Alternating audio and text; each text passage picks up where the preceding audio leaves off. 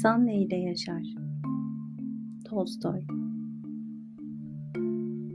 Vaktiyle karısı ve çocuklarıyla bir müzik kulübesinde yaşayan bir ayakkabıcı vardı. Ne ev kendinindi ne toprağı vardı. Ailesini de sadece ayakkabıcılıkla geçindirirdi. Ekmek pahalı, emek ucuzdu. Kazandığını yiyeceğe yatırırdı. Ayakkabıcının karısıyla paylaştığı bir gocuğu vardı. Ama giye giye üstlerinde paralanmıştı. İki yıldır bir koyun postu alıp yeni bir gocuk dikmek için para biriktiriyordu ayakkabıcı. Sonbahara doğru biriktirdi parayı.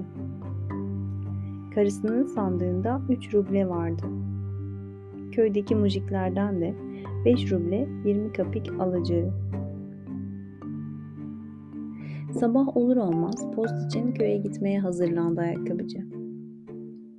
Karısının pamuklu çin bezinden ceketini geçirdi gömleğinin üzerine. Onun üstüne de bir kaftan.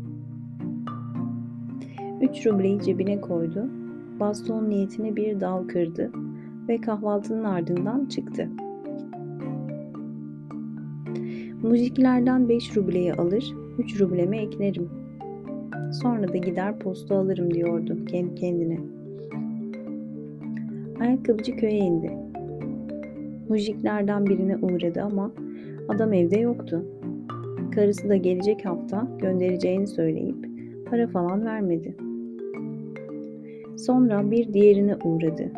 Ama adam parası olmadığını yeminler etti ve sadece 20 kapik verebileceğini söyledi. Fakat çizmelerini onarması şartıyla. Ayakkabıcı da postu veresiye alabileceğini düşündü. Ancak satıcı buna razı olmadı. Paran varsa dedi dilediğini alırsın. Veresiye satışı iyi biliriz. Böylece hiçbir işini halledemeyen ayakkabıcının eline sadece 20 kapik ve bir çift keçe çizme geçmişti. Bu işe canı sıkılan ayakkabıcı 20 kapıyı da vodkaya yatırıp posta alamadan evine yollandı. Sabah soğuktan donuyordu. İçtikten sonra gocuğu olmasa da birden ısınmış gibi geldi ona. Ayakkabıcı değneğiyle donmuş toprağa vurup diğer elindeki keçe çizmeleri sallayarak yürürken şöyle diyordu kendi kendine. İşte Gocuksuz da ısındım. Bir kadehcik içtim. Tüm damarlarım açıldı. Gocuğa gerek yok.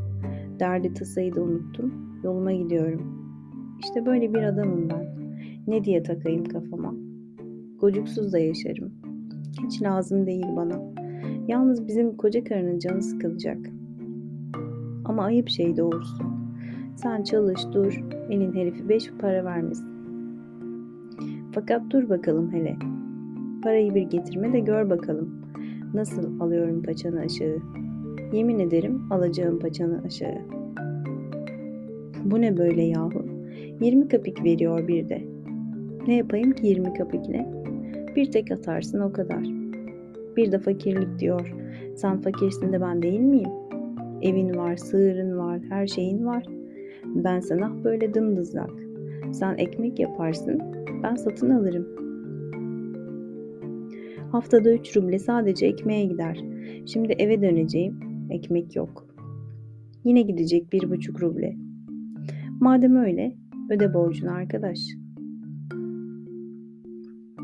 Böyle konuşarak köşedeki küçük kiliseye yaklaşan ayakkabıcı kilisenin arkasında beyaz bir şey gördü. Hava kararmaya başlamıştı. Dikkatle baktıysa da ne olduğunu çıkaramadı. Taş desem burada öyle bir taş yoktu. Hayvan mı acaba? Yok hayvana da benzemiyor. Başı insan başına benziyor ama bembeyaz. Hem burada insan ne gezer? Biraz daha yaklaşınca açıkça gördü beyazlığı. Tuhaf bir şeydi. Ölümü, dirimi belli olmayan, kilisenin duvarına yaslanmış, kıpırdamadan oturan, çırılçıplak bir adam vardı karşısında korkmuştu ayakkabıcı. Adamcağızın birini öldürüp soymuşlar, bir de buraya atmışlar diye geçirdi içinden. Yanına gitsem iş alırım başıma. Sonra yürüyüp geçti adamın yanından. Adamı görmezden gelip kiliseden uzaklaşmıştı. Biraz yürüdükten sonra dönüp kiliseye baktı. Adam artık duvara yaslanmıyordu. Hatta kımıldanıp ona bakmıştı sanki. Ayakkabıcı iyice korktu ve şöyle düşündü. Yanına dönsem mi yoksa çekip gitsem mi? Dönsem daha kötüsü gelmesin başıma. Nasıl biri olduğunu nereden bileyim? Herhalde hayırlı bir iş için düşmedi buraya. Ya üstüne atlayıp seni boğarsam? Kaçacak yer de yok ki. Olmasa bile başa bela olur. Elin çıplayla ne yapacaksın? Üstümdeki son giysiyi de çıkarıp veremem ya. Aman Tanrı esirgesin. Sonra birden dönüp yoluna devam etti. Kiliseyi iyice geride bırakmak üzereydi ki vicdanı sızladı. Yolun ortasında duruverdi ayakkabıcı. Ne yapıyorsun be Semyon dedi kendi kendine. Adam orada yokluktan geberip gidiyor. Sense korkup tabanları yağlıyorsun. Çok mu zenginsin de paranı çaldırmaktan korkuyorsun? Yuh sana Semyon. Utan. Sonra dönüp adamın yanına gitti Semyon. Semyon adama yaklaşıp inceledi. Gücü kuvveti yerinde bir delikanlıydı. Vücudunda yara izi falan da görünmüyordu. Yalnız üşümüş, korkmuş gibiydi. Duvara yaslanmış oturuyor, başını kaldıracak hali kalmamış gibi Semyon'a dönüp bakmıyordu. İyice yaklaştı Semyon. Adam birden ayılmış gibi başını kaldırıp ona baktı. Bakışı hoşuna gitmişti Semyon'un. Elindeki çizmeleri yere attı. Kuşağını çıkarıp çizmelerin üzerine koydu ve kaftanını çıkardı. Hiç konuşma dedi. Giy haydi şunu. Haydi giy. Semyon kolundan tutup kaldırmaya çalıştı. Adam ayağa kalktı. Semyon ince yapılı, tertemiz görünen adamın tatlı bir yüzü olduğunu fark etti. Eli ayağı da sapa sağlamdı. Semyon kaftanını onun omuzlarına attı. Bir iki bir an kollarını geçiremedi. Semyon adamın ellerini tutup kaftanının kollarına geçirdi. Güzelce sarıp önünü kapattı ve kuşağını da beline doladı. Lime lime kasketini de çıkarıp çıplak adamın kafasına geçirmek istediyse de kendi kafası üşüdü. Benim kafam kel diye düşündü. Bununsa kıvır kıvır saçları var. Tekrar giydi kasketini. İyisi mi çizmeleri giydireyim. Adamı oturtup çizmeleri de giydirdi. Adamı güzelce giydirdikten sonra şöyle dedi ayakkabıcı. İşte oldu kardeş. Haydi biraz kıpırda da ısın. Geri kalan her şey sonra hallolur. Yürüyebilecek misin? Adam kalkıp içtenlikle Semyon'a baktı ama bir şey söyleyemedi. Neden susuyorsun? Burada kışlayacak değiliz ya. Eve gitmeliyiz. Haydi al şu sopamı. Halin yoksa dayanırsın. Haydi aç pergenleri. Adam yürümeye başladı. Rahat yürüyor, geride kalmıyordu. Yürürlerken konuşmaya başladı Semyon. Ey de bakalım nerelisin? Buralı değilim. Buralı olsan tanırım zaten. Buraya kilisenin dibine nasıl düştüğünü soruyorum. Söyleyemem. Herhalde birileri sana kötülük etti. Kimse kötülük etmedi. Tanrı beni cezalandırdı. Elbette her şey Tanrı'dan gelir ama ne olsa kendine bir yer bulmalısın. Nereye gitmek istiyorsun? Hiç fark etmez. Semyon şaşırmıştı. Adam serseriye falan benzemiyordu.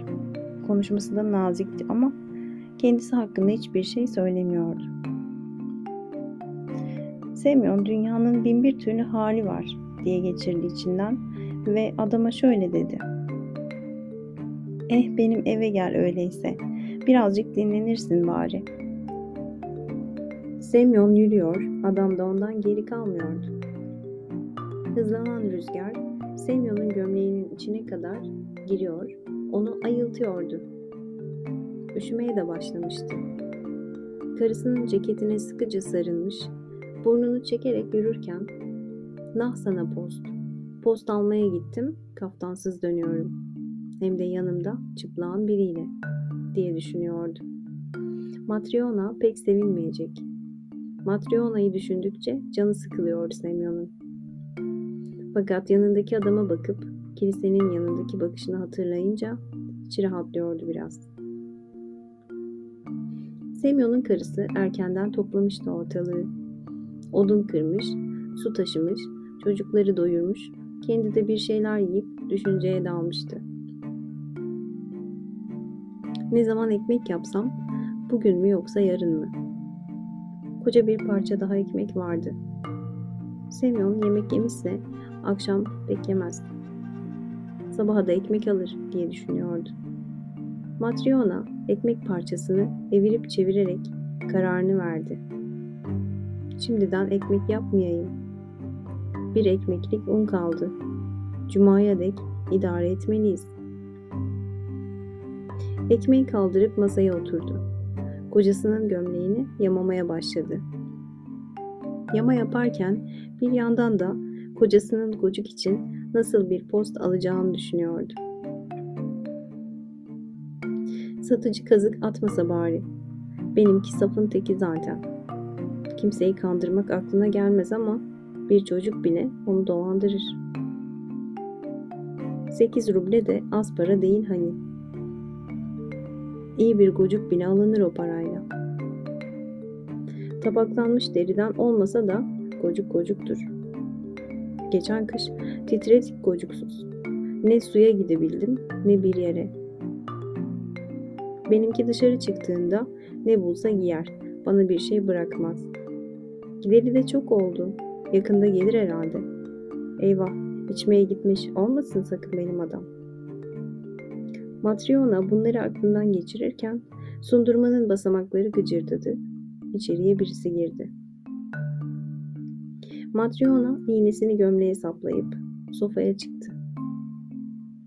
İki kişinin geldiğini gördü. Semyon ve yanında da şapkasız, keçi çizmeli bir adam. Matryona kocasından yayılan içki kokusunu hemen almıştı. Ah işte içmiş belli ki diye geçirdi içinden. Fakat elleri bomboş, kocasını kaftansız.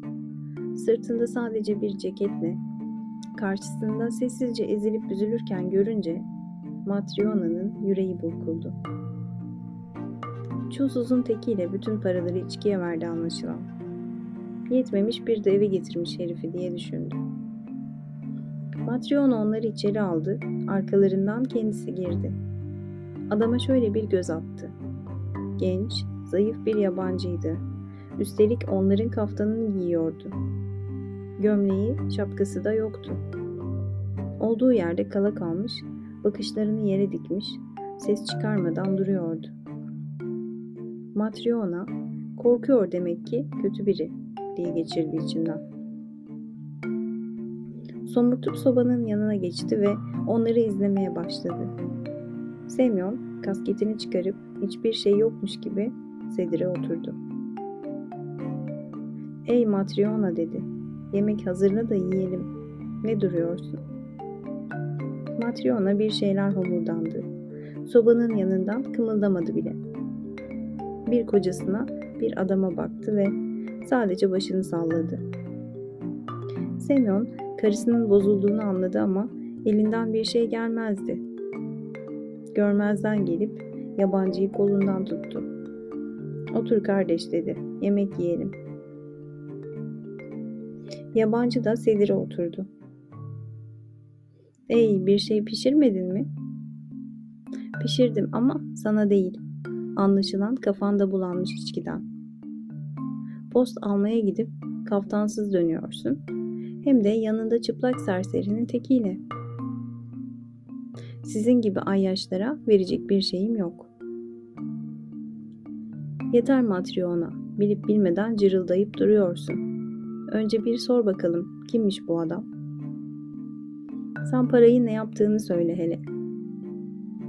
Semyon ceketin cebinden paraları çıkarıp eliyle düzeltti. İşte para.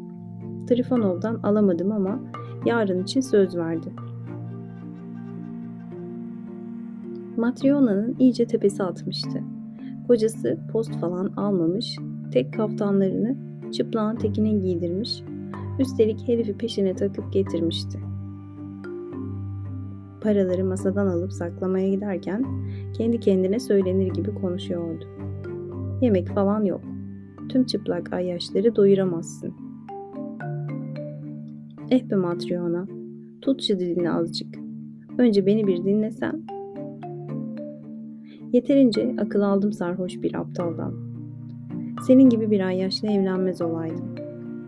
Anacığımın verdiği keten bezi bile içkiye yatırdım.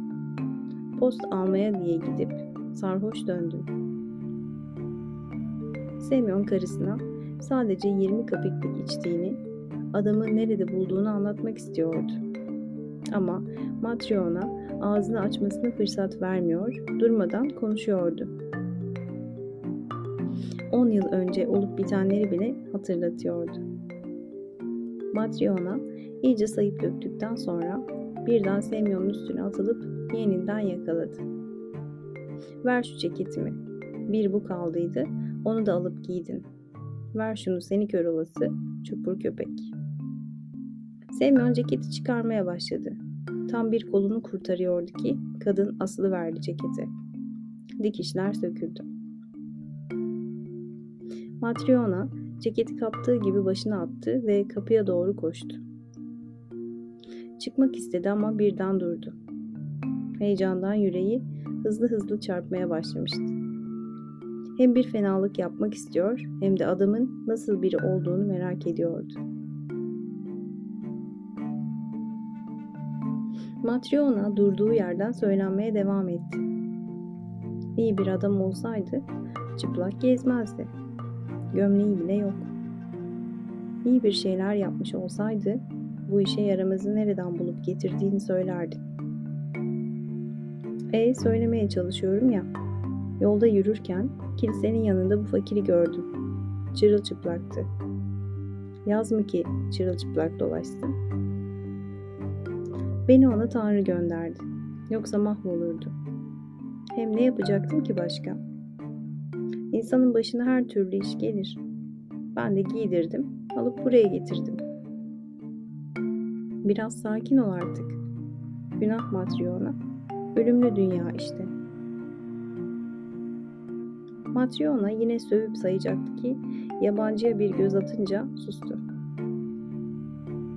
Adam sedirin kıyısına ilişmiş, sessizce oturuyordu. Ellerini dizlerine koymuş, başını göğsüne eğmişti. Gözlerini kapamış, güçlükle nefes alıyormuş gibi yüzünü buruşturup duruyordu. Matryona artık susmuştu. Semyon devam etti. Matryona, Tanrı'ya inanmıyor musun sen? Matryona bu sözleri duyunca bir daha adama baktı ve birdenbire sakinleşti.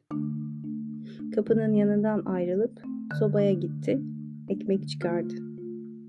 Masaya bir bardak koyup kıvas doldurdu. Son ekmek parçasını da getirdi. Onlara bıçak kaşık verdi. Yesenize ne duruyorsunuz dedi. Semyon adamı dürttü. Sokul bakalım delikanlı dedi. Semyon ekmeği kesip doğradı. Yemeye başladılar. Matryona ise masanın köşesine oturdu. Elini çenesine dayayıp adamı incelemeye başladı. Matryona bir anda adama acımış, ona kanı ısınmıştı. Adam da birden neşelenmişti. Yüzünü buruşturmayı kesmiş, Matryona'ya bakıp gülümsemişti. Yemek bitti. Matryona masayı topladıktan sonra adamı sorguya çekmeye başladı. E kimin nesisin bakalım? Buralı değilim. Peki nasıl oldu da buralara düştün? Bunu söyleyemem. Kim soydu seni? Beni Tanrı cezalandırdı. Demek sokakta çırılçıplak yatıyordum. Çırılçıplak yatmıştım, üşüyordum. Semyon beni görünce acıdı. Kaftanını çıkarıp bana giydirdi. Sonra buraya getirdi. Sen de yedirip içirdin, bana acıdın. Tanrı sizi korusun. Matryona kalkıp az önce yamadığı Semyon'un gömleğini pencerenin yanından aldı, yabancıya uzattı. Sonra da bir pantolon bulup verdi. Al şunu sırtında gömlek bile yok. Haydi giy de beğendiğin yere yat. İster tavan arasına uzan, istersen de sobanın üstüne çık. Adam kaftanı çıkardı, gömlekle pantolonu giyip tavan arasına yattı. Matryona mumu söndürdü, kaftanı aldı ve gidip kocasının yanına yattı. Matryona kaftanı üzerine alıp yatmıştı. Ama bir türlü uyuyamıyor, adam aklından çıkmıyordu. Son ekmek parçasının bittiğini, yarına ekmek kalmadığını, gömleği pantolonu adama verdiğini hatırladıkça canı sıkılıyor ama gülümsemesini hatırladıkça yüreği ferahlıyordu. Uzun süre uyuyamayan Matryona, Semyon'un da uyku tutmadığını, kaftanın üzerine çekmeye çalıştığını fark etti. Semyon, ha? Ekmeğimizin son parçasını yediniz. Başka da ayırmamıştım. Yarın ne yapacağız hiç bilmiyorum. Malanya teyzeden mi istesek? Sağız ya, elbet doyururuz karnımızı da. Matryona bir süre sesini çıkarmadı. İyi birine benziyor ama neden kendinden bahsetmek istemiyor acaba? Bir bildiği vardır belki. Semyon, biz her şeyimizi veriyoruz da neden hiç kimse bize bir şey vermiyor? Semyon ne cevap vereceğini bilemedi. Sadece bu kadar çene çalmak yeter dedi ve arkasını dönüp uyudu. Sabah Semyon uyandığında çocuklar uyuyordu. Karısı komşulara ekmek sormaya çıkmıştı. Eski pantolonla gömleği giymiş olan yabancı sedirin üzerine oturmuş yukarıya bakıyordu. Yüzü dünkünden daha parlaktı. Şöyle dedi Semyon. İşte böyle sevgili dostum. Karnın ekmek, sırtın elbise ister. Doyurmak gerek bunları. Ne iş yaparsın sen? Hiçbir iş yapamam ki ben. Semyon şaşırdı. Eh hevesin olsun yeter. İnsan her şeyi öğrenebilir. İnsanlar çalışıyor, ben de çalışırım. Adın ne? Mihail. Peki Mihail, kendinden bahsetmek istemiyorsan senin bileceğin iş. Ama karnını doyurman gerek. Göstereceğim gibi çalışırsan sana yemek veririm. Tanrı seni korusun. Gerekeni öğrenirim. Ne yapmam lazım göster. Semyon bir iplik alıp parmağını doladı ve bükmeye başladı. İşte öyle zor bir iş değil. Onu izleyen Mihail de ipliği parmağına doladı ve Semyon'u taklit ederek bükmeye başladı. Semyon ona çirişlemeyi gösterdi. Mihail hemen kaptı bu işi. Sonra sırımların nasıl büküleceğini ve nasıl dikileceğini gösterdi. Mihail bunları da hemen kavradı. Semyon'un gösterdiği her işi hemen öğreniyordu. Üç gün sonra ezadan beri ayakkabıcıymış gibi dikiş yapıyordu. Hiç durmadan çalışıyor, az yiyor, işini bitirince de hiç konuşmadan yukarıya bakıp duruyordu. Sokağa çıkmıyor, gerekmedikçe konuşmuyor, hiç şaka yapmıyor, gülmüyordu. Sadece bir kere Matryona'nın ona yemek hazırladığı ilk akşam gülümsediğini görmüşlerdi. Günler günleri, haftalar haftaları kovaladı. Koca bir yıl geçip gitti. Mihail Semyon'un yanında kalıyor, yanında çalışıyordu. Semyon'un işçisinin önü iyice yayılmıştı. Herkes Semyon'un işçisi Mihail'den daha güzel, daha sağlam ayakkabı yapacak biri olmadığını söylüyordu. Çizme almak için insanlar çevre köylerden bile Semyon'a gelmeye başlamışlar. Ayakkabıcının işleri de düzelmişti. Bir kış günü Semyon'la Mihail çalışırken kulübeye çıngıraklı bir troika yaklaştı. Pencereden baktılar. Troika tam kulübenin karşısında durmuş, arabacının yanından yere atlayan bir delikanlı kapıyı açmıştı. Troika'dan kürklü bir bey indi. Semyon'un kulübesine yaklaşıp merdiveni çıkmaya başladı. Matryona hemen koşup kapıyı ardına kadar açtı. Bey eğilerek içeri girdi. Doğrulduğunda az kalsın başını tavana çarpacaktı. Kocaman vücuduyla bütün köşeyi kaplamıştı adam. Semyon kalkıp selam verdi ve şaşkınlıkla adama bakmaya başladı. Hayatında böyle bir adam görmemişti. Kendisi ufak tefekti. Mihail cılızdı. Matryona da hepten çırpı gibiydi. Bu adamsa başka bir dünyadan gelmişe benziyordu. Tombul, kırmızı bir yüzü vardı. Boynu bir öksüzünki kadar kalındı ve tüm vücudu demirden dövülmüş gibiydi. Bey derin bir soluk aldı. Kürkünü çıkardı ve sedire oturup ayakkabı ustası kim diye sordu. Semyon, benim ekselans dedi.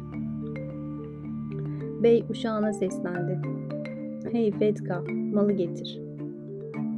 Delikanlı elinde bir bohçayla koşa koşa geldi. Bey bohçayı alıp masanın üzerine bıraktı. Aç bakalım şunu. Delikanlı bohçayı açtı. Bey bohçadaki ayakkabılık deliği Semyon'a gösterdi. Bana bak ayakkabıcı, şu malı görüyor musun?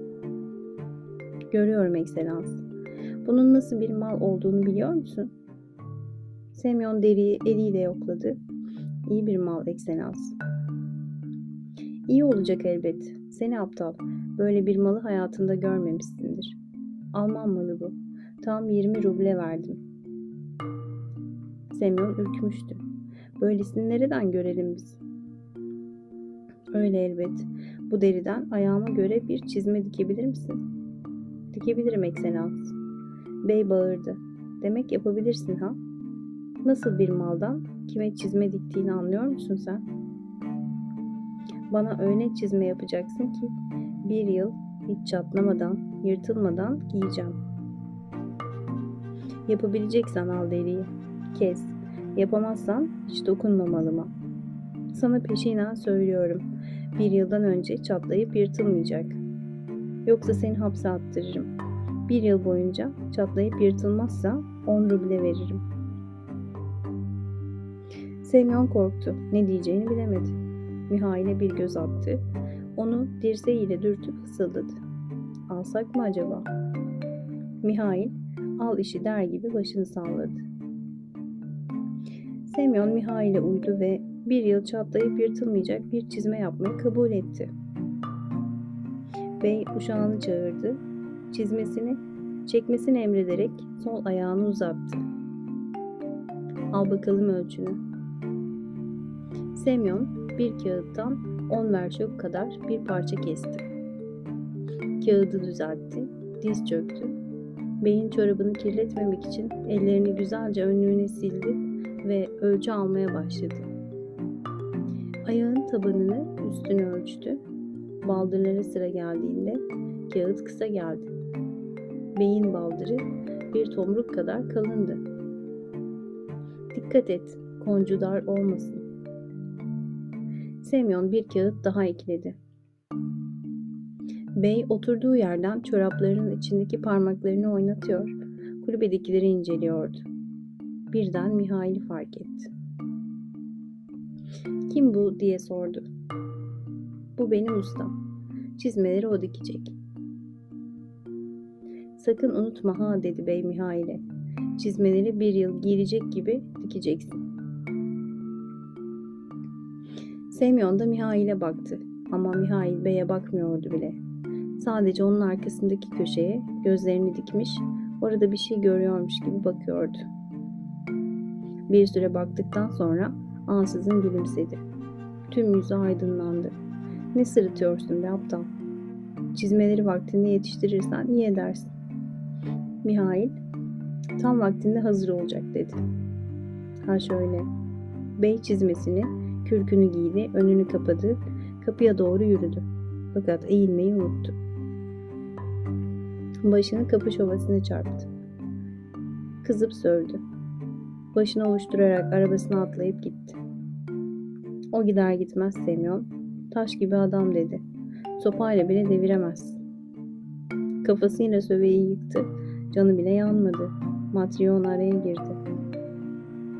Böyle yaşayan adam sağlam olmaz mı hiç? Ölüm bile vız gelir böyle, perçin gibi adama.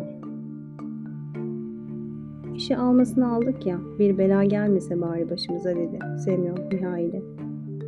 Mal değerli, bey de hırçın. Bir hata yapmamalı. Senin gözlerin daha iyi görüyor, ellerin de işe benden daha yatkın. Al bakalım şu ölçüleri. Sen deriyi kes, ben de dikişlerini yaparım. Mihail ayakkabıcının sözünü ikiletmedi. Beyin malını alıp masaya serdi, ikiye katladı, bıçağı alıp kesmeye başladı. Matryona yaklaşıp Mihail'in nasıl biçtiğine baktı ve şaşkına döndü. Ayakkabıcılığa aşina olan Matryona, Mihail'in deriyi çizme yapmak için değil, daireler halinde kestiğini büyük bir şaşkınlıkla görmüştü. Bir şeyler söyleyecekti ki herhalde bey çizmesinin nasıl yapılacağını bilmiyorum. Mihail benden daha iyi bilir. Karışmayayım iyisi mi diye düşünerek vazgeçti. Mihail deriyi kestikten sonra çizme dikmekte kullanılan çift iplikle değil de terlik diker gibi tek iplikle dikmeye başladı. Matryona bu işe de şaşırmıştı. Yine de bir şey söylemedi. Mihail dikmeye devam etti. Öğle yemeği gelince kalkan Semyon, Mihail'in beyin derisinden terlik diktiğini gördü. Ahlayıp oflamaya başladı Semyon. Mihail tam bir yıldır hiçbir hatalı iş yapmadan burada yaşıyor. Peki böyle bir şey nasıl yaptı birden? Bey uzun konçlu, şeritli bir çizme ısmarladı. Bizimki ise tutmuş, yumuşak terlik dikmiş. Deriyi de mahvetmiş. Şimdi ben beye nasıl hesap veririm? Böyle bir malı bulamazsın da. Sonra şöyle dedi Mihail'e. Sen ne yaptın böyle sevgili dostum? Mahvettin beni. Bey çizme ısmarlamıştı. Bak sen ne dikmişsin. Tam Mihail'e bunları söylerken sundurmadan gürültüler geldi, kapı vuruldu. Pencereden baktılar. Bir atlı gelmiş, atını bağlıyordu. Kapıyı açtılar. Beyin uşağı içeri girdi. Merhaba. Merhaba ne istemiştin? Hanım beni çizmeler için gönderdi. Ne demek çizme için? Çizme işte beyin çizmeye ihtiyacı kalmadı artık. Vadesi doldu. Ne diyorsun sen? Sizden çıkınca eve bile varamadı. Arabada ölmüş. Eve gelince kapıyı açmaya koştuk. Çuval gibi devrili verdi. Kaskat olmuş. Cansız yatıyormuş meğer. Arabadan zor çıkardık. Hanım da beni size yolladı. Git şu kunduracıya söyle dedi. Bir bey size deri bırakıp çizme ısmarlamış ama artık gerekli değil. Onun yerine ölüye giydirmek için terlik yapsın. Çabucak dikiversin dedi. Dikilinceye kadar bekle, terliği de al gel dedi. Ben de bunun için geldim. Mihail masadaki deriyi artıklarını toplayıp rulo yaptı. Sonra da diktiği terlikleri birbirine çarpıp önüne sildi ve hepsini delikanlıya uzattı. Uşak terlikleri aldı. Hoşçakalın diyerek çıkıp gitti. Aradan bir yıl, iki yıl derken tam altı yıl geçti. Mihail hala Semyon'un yanındaydı. Hep eskisi gibi yaşıyordu. Hiçbir yere çıkmıyor, gerekmedikçe konuşmuyordu. Tüm bu zaman boyunca da ancak iki kere gülümsemişti. İlki Matryona kendisine yemek hazırlayınca, diğeri de beye bakarken. Semyon işçisinden pek memnundu. Artık nereden geldiğini sormuyordu. Tek korkusu bir gün onu bırakıp gitmesiydi. Bir gün hep beraber oturuyorlardı. Ev hanımı sobaya tencereleri yerleştiriyor, çocuklar sedirlerde koşuşturuyor, pencereden dışarıyı seyrediyorlardı. Semyon bir pencerenin önüne oturmuş, elindekini dikiyor, Mihail de başka bir pencerenin önünde bir ayakkabının topuğunu çiviliyordu. Çocuklardan biri sedirin üzerinde koşarak Mihail'e yanaştı. Omzuna dayanarak pencereden bakmaya başladı. Mihail amca, bak bir tüccar karısı geliyor. Kızları da yanında. Kızlardan birisi de topal. Semyon da baktı. Gerçekten de iyi giyimli bir kadın, kürk giymiş, tüylü şallara sarılmış, iki küçük kızın elinden tutmuş avluya giriyordu. Kızlar ayırt edilemeyecek kadar birbirlerine benziyordu. Yalnız birisinin sol ayağı topallıyordu. Kadın sundurmayı geçip sofaya girdi. Kapı mandalını bulup açtı. Önce kızlarını soktu kulübeye. Sonra da kendisi girdi. Merhabalar, buyurun ne istemiştiniz? Kadın masaya geçip oturdu. Kalabalıktan utanan kızlar onun dizlerine yaslandı. Kızlara baharda giysinler diye deri ayakkabı yaptırmak istiyorum. Elbette yaparız. Hiç bu kadar küçük ayakkabı dikmemiştik ama yapabiliriz. Kenara bant koyarız. Ters yüz edilmiş ketenden astar da ekleyebiliriz. İşte bu benim usta Mihail. Semyon Mihail'e baktı ve işini bırakıp gözlerini kızlara diktiğini gördü. Buna şaşırmıştı. Kızlar gerçekten pek sevimliydi aslında.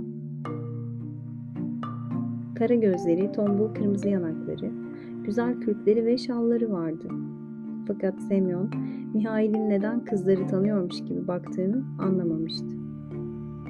Semyon o şaşkınlıkla kadınla konuşup pazarlık yaptı. Anlaşınca ölçü faslına geçildi. Kadın topal kızını kucağına oturtarak gel bundan iki ölçü al dedi. Topal ayağı için bir, öteki ayağı için üç ayakkabı dikersin.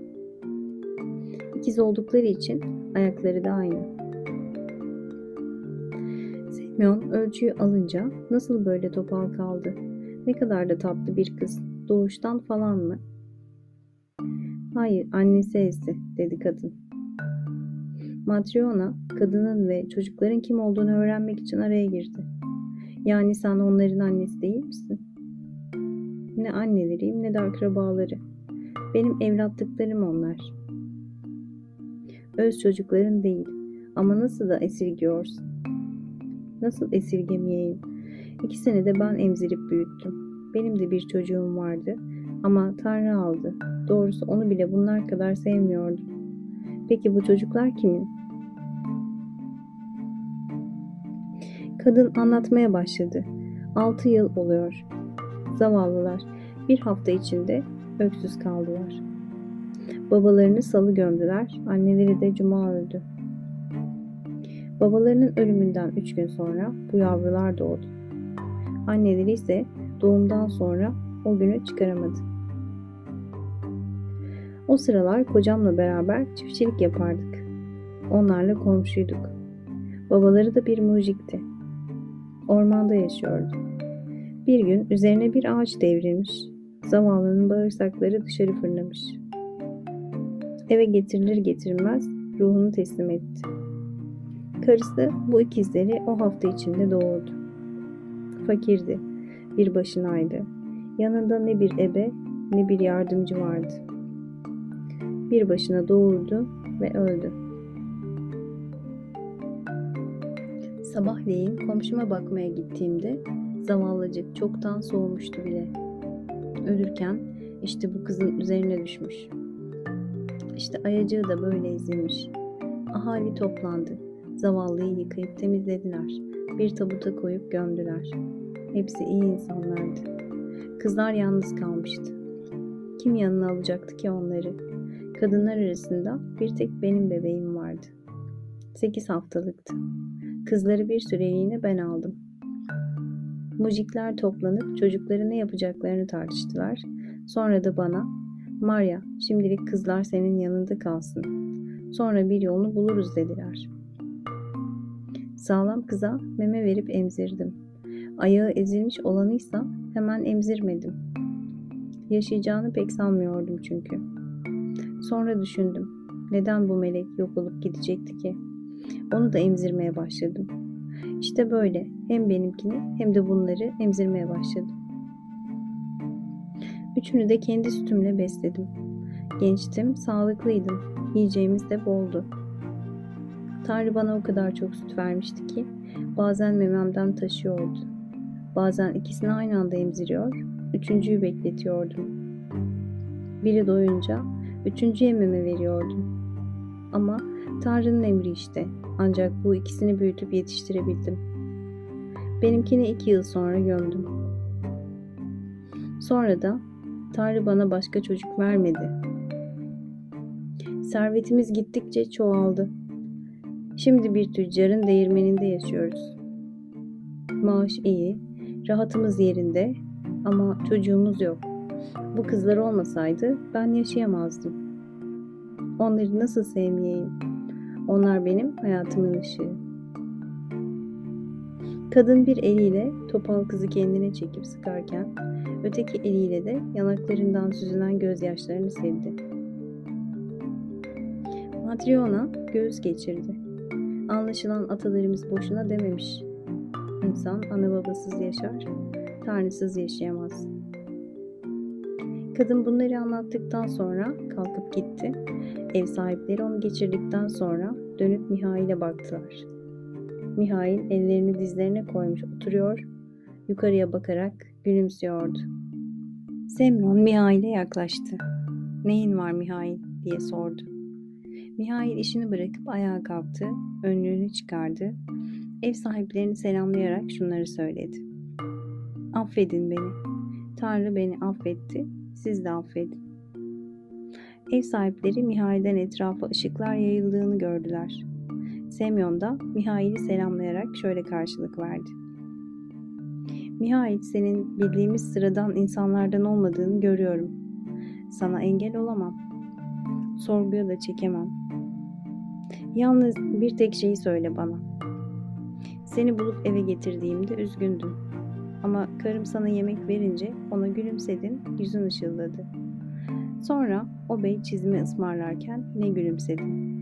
Bu kez yüzün daha da aydınlandı. Şimdi de kızlarıyla gelen kadını görünce üçüncü kez gülümsedin. Ve ışık saçıyorsun artık.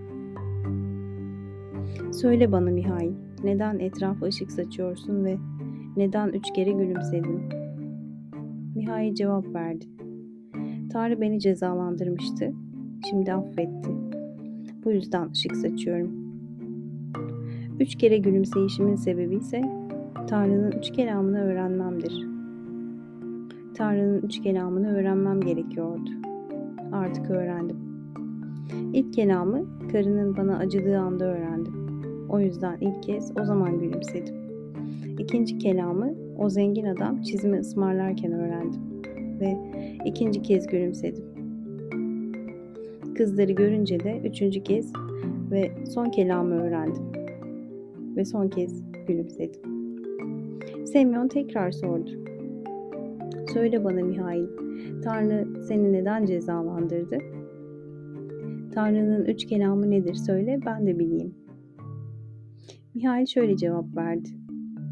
Tanrı onu dinlemediğim için beni cezalandırdı. Ben cennette bir melektim. Bir gün ona karşı geldim. Tanrı beni bir kadının ruhunu almaya yollamıştı. Yeryüzüne indim. Bir de baktım ki yeni doğum yapmış hasta bir kadın uzanmış yatıyor. İkiz doğurmuş iki kız. Kızlar annelerinin yanında debelenip duruyordu. Kadıncağız da onlara memesini uzatamıyordu. Beni görür görmez ruhunu almak için Tanrı'nın gönderdiğini anladı. Ağlayıp yalvarmaya başladı. Tanrı'nın meleği, kocamı yeni gömdüler. Ağaç altında kaldı. Ne öksüzlerim büyütecek kardeşim, ne teyzem, ne de anam var. Alma canımı, izin ver çocuklarımı besleyip büyüteyim. Kendi ayakları üstünde durduklarını göreyim. Çocuklar ana babasız yaşayamaz. Ben de kadının sözünü dinledim. Çocuklardan birisini tutup göğsüne yanaştırdım. Ötekini eline verdim. Sonra da göğe yükseldim. Tanrı'nın huzuruna çıkıp şöyle dedim. Luhusa'nın ruhunu alamadım. Babayı bir ağaç ezmiş, anne ikiz doğurmuş. Ruhunu teslim etmemek için yalvarıp yakarıyor. İzin ver.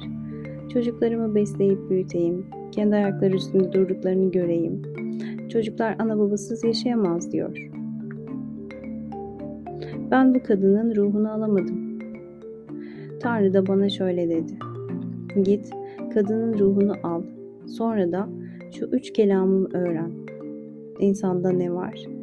İnsana ne verilmemiştir? İnsan ne ile yaşar? Bunları öğrenince yine göğe döneceksin. Ben de yeryüzüne indim. Lohusa kadının ruhunu aldım. Kadının çocukları göğsünden ayrıldılar. Cansız vücudu yatağa düştü. Kızlardan birinin ayağını ezdi. Köyün üzerinde yükseldim. Kadının ruhunu Tanrı'ya ulaştıracaktım ama bir rüzgara yakalandım. Kanatlarım tutulup koptu. Ruh tek başına Tanrı'ya yükseldi. Bense yeryüzüne, yolun kenarına düştüm. Semyon'la Matryona kimi giydirip doyurduklarını, kimle birlikte yaşadıklarını anlamış, korku ve sevinçten ağlamaya başlamışlardı. Melek şöyle devam etti. Tarlanın ortasında bir başıma çırılçıplak kala kalmıştım. Evvelce insanca ihtiyaçları hiç bilmez, soğuğu, açlığı hiç tanımazken bir anda insan olmuştum. Açtım. Soğuktan donuyor ve ne yapacağımı da bilmiyordum. Bir küçük kilise gördüm. Tanrı'nın kilisesine sığınmak istedim. Kilise kapalıydı. İçeri giremiyordum. Rüzgardan korunmak için kilisenin arka duvarına yaslandım. Karanlık çökmüştü. Çok acıkmış ve üşümüştüm. Her yanım ağrıyordu. Birden yolda elinde bir çift çizmeyle yürüyen ve kendi kendine konuşan bir adam gördüm.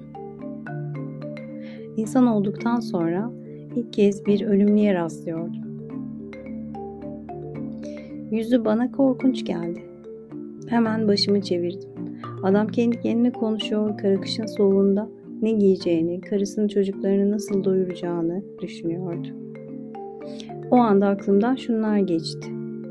Ben soğuktan ve açlıktan ölmek üzereyken bu adam sadece kendini ve karısını bir gocukla nasıl soğuktan koruyacağını, çocuklarının karnını nasıl doyuracağını düşünüyor. Bana yardım edecek halde değil. Adam beni görür görmez suratı asıldı. Daha da korkunçlaştı. Yanımdan yürüyüp geçti. Artık ümidimi kesmiştim. Sonra öbür yandan bir adamın geldiğini duydum. Ona baktım ama deminki adamı bir türlü tanıyamadım. Deminkinin yüzünde ölüm vardı. Oysa şimdiki cap canlıydı ve Tanrı seçilebiliyordu bu yüzden. Yanıma yaklaştı, beni giydirip evine götürdü. Eve vardığımızda bizi karşılamaya bir kadın çıktı ve konuşmaya başladı. Kadın adamdan daha korkunçtu. Ağzından ölüm havası esiyordu ve koku nefesimi kesiyordu. Beni kovmak, soğuğa atmak istiyordu. Bense kovulursam öleceğimi biliyordum. Sonra kocası ona Tanrı'yı hatırlattı ve kadın da birden değişiverdi. Yemek verirken bana baktı. Ben de ona. Artık ölüm yoktu kadında.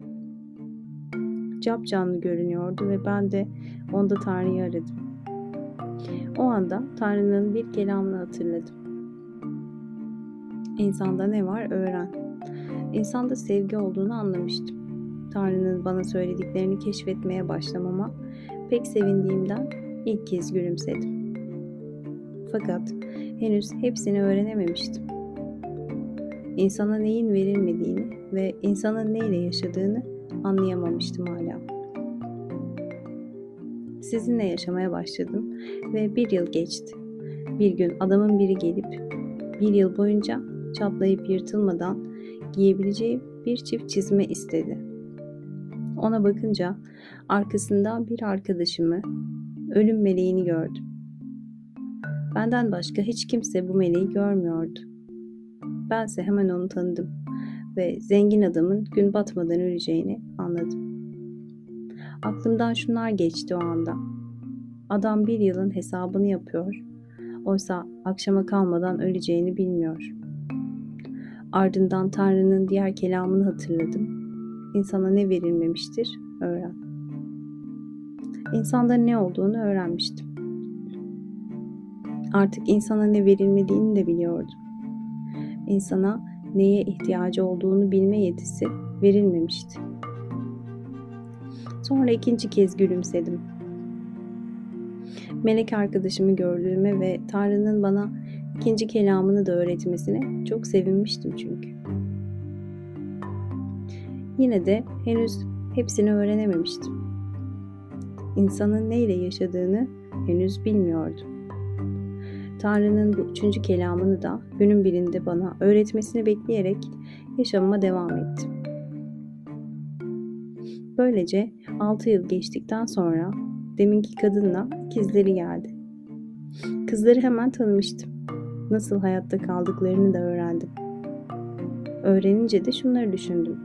Çocukların yaşaması için anneleri bana yalvarmış. Beni de ikna etmişti.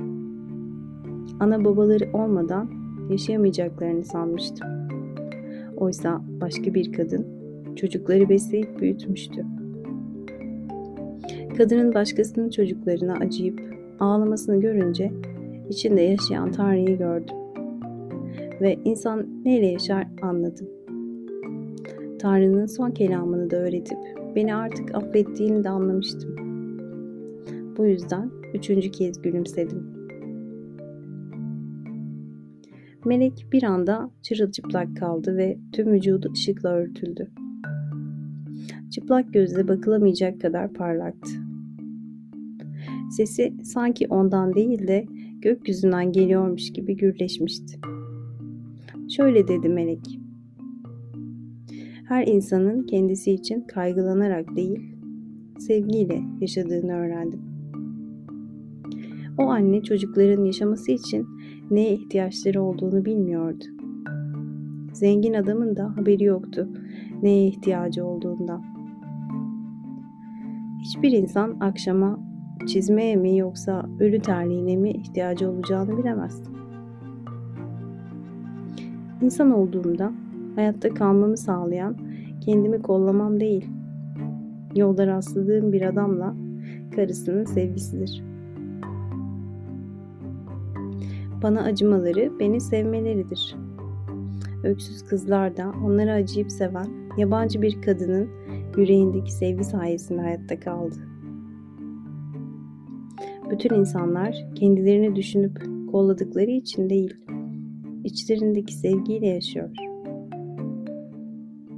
Önceleri Tanrı'nın insana sırf yaşasınlar diye can verdiğini sanıyordum. Artık diğer nedenleri de biliyorum. Anladım ki Tanrı insanların ayrı yaşamasını istemiyor. Bu yüzden tek tek neye ihtiyaç olduklarını açık etmiyor. Beraber yaşamalarını istediğinden hepsine kendileri ve diğerlerinin neye ihtiyacı olduğunu gösteriyor. İnsanlar sadece kendi hayatları için kaygılandıkları, kendilerini kolladıkları için yaşar sanırdım. Oysa onları yaşatan tek şey sevgiymiş. Seven insan Tanrı'nın, Tanrı da onun içindedir. Çünkü Tanrı sevgidir. Melek Tanrı'ya şükreden bir ilahi okumaya başladı. Sesiyle kulübe sangırdamaya başladı. Çatı uçup gitti ve yerden göğe doğru kor gibi yanan bir ışık sütunu yükseldi. Semyon, karısı ve çocuklar yere düştü. Meleğin sırtındaki kanatlar açıldı, göğe yükseldi. Semyon kendine geldiğinde kulübe eskisi gibi sapasağlamdı ve ailesinden başka hiç kimse yoktu.